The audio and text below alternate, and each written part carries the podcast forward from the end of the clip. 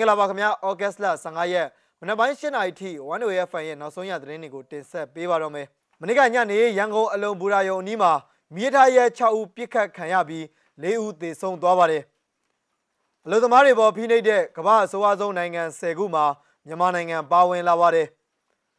ကချင်ပြည်နယ်မြို့နယ်၄မြို့နယ်မှာတော့ COVID-19 ထိန်းချုပ်ဖို့အတွက်ဩဂုတ်လ15ရက်ကစပြီးရက်အကန့်အသတ်မရှိခရီးသွားလာခွင့်ပိတ်ပင်လိုက်ပါတယ်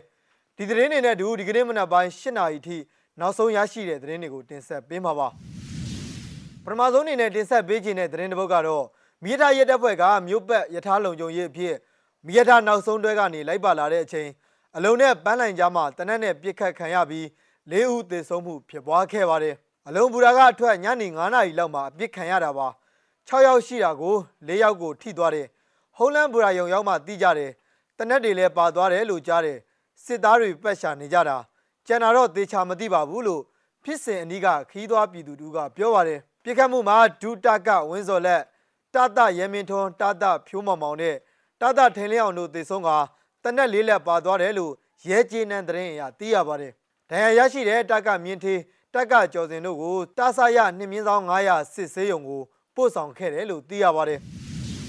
နောက်ထပ်မြန်မာနိုင်ငံဟာအလုသမားတွေဖိနှိပ်ခံရတဲ့ ကမ္ဘာဆိုးဝါးဆုံးနိုင်ငံ10ခုစင်းမှာပါဝင်လာကြောင်းအပြည်ပြည်ဆိုင်ရာလူသမားများသမဂ္ဂအဖွဲ့ချုပ် ITUC က2022ခုနှစ်ကမ္ဘာလုံးဆိုင်ရာအခွင့်အရေးညွှန်ကိန်းကဖော်ပြထားပါတယ်ဖေဖော်ဝါရီ၁ရက်နောက်ပိုင်းအာဏာသိမ်းစစ်ကောင်စီတပ်ဖွဲ့ဝင်တွေဟာမြန်မာဒီမိုကရေစီပြန်လည်ရရှိရေးတောင်းဆိုနေကြတဲ့ဆန္ဒပြပြည်သူလူထုအပေါ်နှိပ်ကွပ်ဖြိုခွင်းမှုတွေပြုလုပ်ခဲ့ကြပါတယ်အဲဒီလိုအခြေအနေတွေကြောင့်မြန်မာနိုင်ငံဟာ2021ခုနှစ်တွင် ပြည်သူလူထုအပေါ်ဖိနှိပ်မှုပြုလုပ်တဲ့နိုင်ငံစည်းရင်ဝင်ရောက်ခဲ့တာဖြစ်ပြီး IDCU ရဲ့အစီရင်ခံစာမှာထည့်သွင်းဖော်ပြထားပါတယ်မြန်မာပြည်သူတွေကြုံတွေ့နေရတဲ့အခြေအနေတွေနဲ့ပတ်သက်ပြီးပုံမတိုးမြင့်လာတဲ့ရက်စက်မှုတွေနဲ့ကြုံတွေ့ခဲ့ရပါတယ်လို့ IDUC ကမှတ်ချက်ပြုရေးသားထားပါတယ်မြန်မာစစ်တပ်ကလွတ်လပ်စွာပြောဆိုမှုကိုထိန်းချုပ်ဖိနှိပ်ဖို့အတွက်စိုက်ဘာဥပဒေတစ်ခုကိုပြဋ္ဌာန်းဖို့စီစဉ်ခဲ့ပြီးသူ့ရဲ့ဖိနှိပ်ဖြိုခွင်းမှုကိုလုံးဝအလျှော့မပေးဘဲဆက်လက်လှုပ်ဆောင်ခဲ့တာပါလို့လည်း IDUC ကအစီရင်ခံစာကနေတဆင့်ဝေဖန်ရေးသားထားပါတယ် IDUC ရဲ့အစီရင်ခံစာအရမြန်မာနိုင်ငံဟာဘင်္ဂလားဒေ့ရှ်ဘီလာရုဘရာဇီးကိုလံဘီယာအီဂျစ်ဖိလစ်ပိုင်တူရကီဇင်ဘာဘွေဟွန်ဒါရပ်စ်အဲ့ဒီနိုင်ငံတွေနဲ့အတူအလုပ်သမားတွေအတွက်ကမ္ဘာအဆိုးအဆုံးနိုင်ငံဖြစ်ဖော်ပြခံရတာဖြစ်ပါတယ်မြန်မာနဲ့ဗီလာရုနိုင်ငံနှစ်နိုင်ငံဟာအခုနှစ်အတွင်းမှာထပ်မံပြီးတော့အဲ့ဒီညွှန်ကိန်းမှာပါဝင်လာကြတာလည်းဖြစ်ပါတယ်နိုင်ငံရေးကျင်းသားများကူညီစောင့်ရှောက်ရေးအသင်း AAPP က စူးစီးထားတဲ့စည်းရင်းတွေအရဆီယနာရှင်တော်လှန်ရေးຫນွေဦးတော်လှန်ရေးကာလအတွင်းစစ်တပ်ရဲ့အကြမ်းဖက်မှုတွေကြောင့်ကြာဆုံးခဲ့ရတဲ့ပြည်သူဥယျာဉ်မှာဩဂတ်12ရက်နေ့အထိ968ဦးရှိပြီဖြစ်ပါတယ်။ဩဂတ်13ရက်ထိဖမ်းဆီးချုံနှောင်ခံထားရသူစုစုပေါင်းမှာ9500ကျော်ရှိပြီးတော့အဲ့ဒီအနက်က255ဦးဟာထောင်ဒဏ်ချမှတ်ခြင်းခံထားရပါတယ်။အဲ့ဒီပြင်ပြည်တံကြခံရသူတွေထဲမှာ16နှစ်အောက်လူငယ်2ဦးပါဝင်ပြီး26ဦးကတော့တေတံချမှတ်ခံထားရတဲ့အပြင် ဖောင်ရန်ထုတ်တာတွေခံထားရတာကြောင့်တင်းရှောင်နေရသူဦးရေ1984ဦးရှိကြောင်း AAPP ရဲ့စင်းနေရသိရပါတယ်။နောက်ထပ်တင်ဆက်ပေးခြင်းတဲ့သတင်းတစ်ပုဒ်ကတော့ကိုဗစ်ရောဂါထိန်းချုပ်နိုင်ဖို့အတွက်ကချင်ပြည်နယ်မြောက်ပိုင်းဒေသ၄မြို့နယ်ကိုခီးသွွာလာခြင်းကိုဩဂတ်စ်လ15ရက်နေ့ကစတင်ပြီးရက်အကန့်အသတ်မရှိပိတ်ပင်လိုက်တယ်လို့ KIO မြောက်ပိုင်းတိုင်းပူတာအိုခရိုင်အုပ်ချုပ်ရေးရုံးကကြေညာလိုက်ပါတယ်။ကချင်ပြည်နယ်မြောက်ပိုင်းမြစ်ကြီးနားမြို့မှာစွန်ပရာဘွန်ပူတာအို မချမ်းပေါမြို့တွေကိုပုံမှန်ခရီးသွားလာတာကို KIO ကရက်အကန့်အသတ်မရှိပိတ်ပင်လိုက်တာလည်းဖြစ်ပါတယ်။ကိုဗစ်ရောဂါထိန်းချုပ်ဖို့အတွက်ရည်ရွယ်ကြောင်း KIO ပြောရေးဆိုခွင့်ရှိသူဗိုလ်မှူးကြီးနော်ဘူးကပြောပါတယ်။လာမယ့်ဩဂတ်စ်လ15ရက်နေ့ကစတင်ပြီးအကျုံးဝင်မဲ့ KIO ရဲ့ညွှန်ကြားချက်မှာ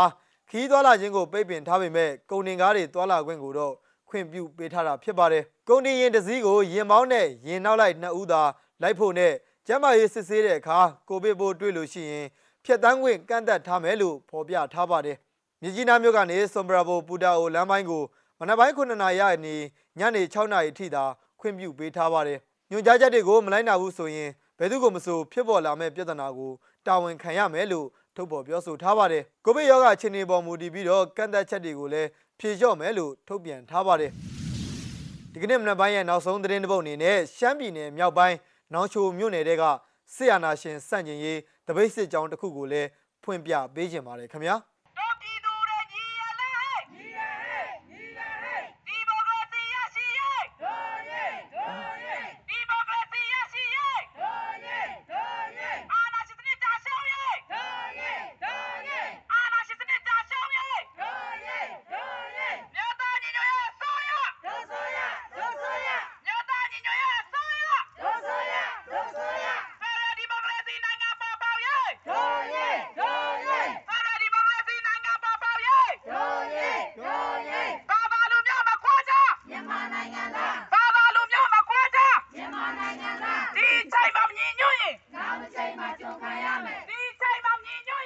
Anasema chunga yame. Dola mala chokamala. Dola mahe dola ma. Dola mala chokamala. Dola mahe dola ma. Bapesita anyipya. Anyipya he anyipya. Bapesita anyipya. Anyipya he anyipya. Raisita anyipya. Anyipya he anyipya. Raisita anyipya. Anyipya he anyipya.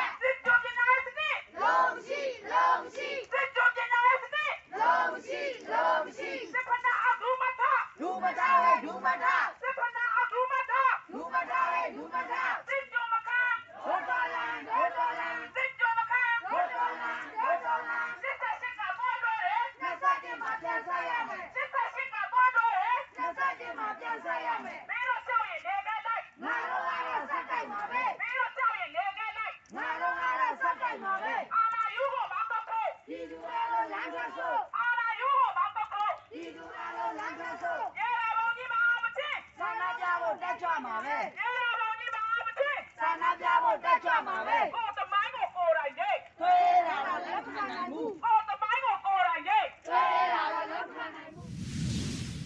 ဩဂတ်စ်လ15ရက်မနက်ပိုင်း8နာရီထိနောက်ဆုံးရရှိတဲ့သတင်းတွေကိုတင်ဆက်ပေးခဲ့တာပါဝန်တို့ရဲ့ဖန်ကိုစောင့်မျှော်နားဆင်ကြတဲ့ပြည်သက်အပေါင်းကိုစိတ်နှဖျားကျမ်းမာချမ်းသာကြပါစေလို့ဆုမွန်ကောင်းတောင်းလိုက်ရပါတယ်ထူးခြားတဲ့သတင်းတွေနဲ့အတူကျွန်တော်တို့မကြခင်မှာပြန်လည်ဆုံတွေ့ကြပါမယ်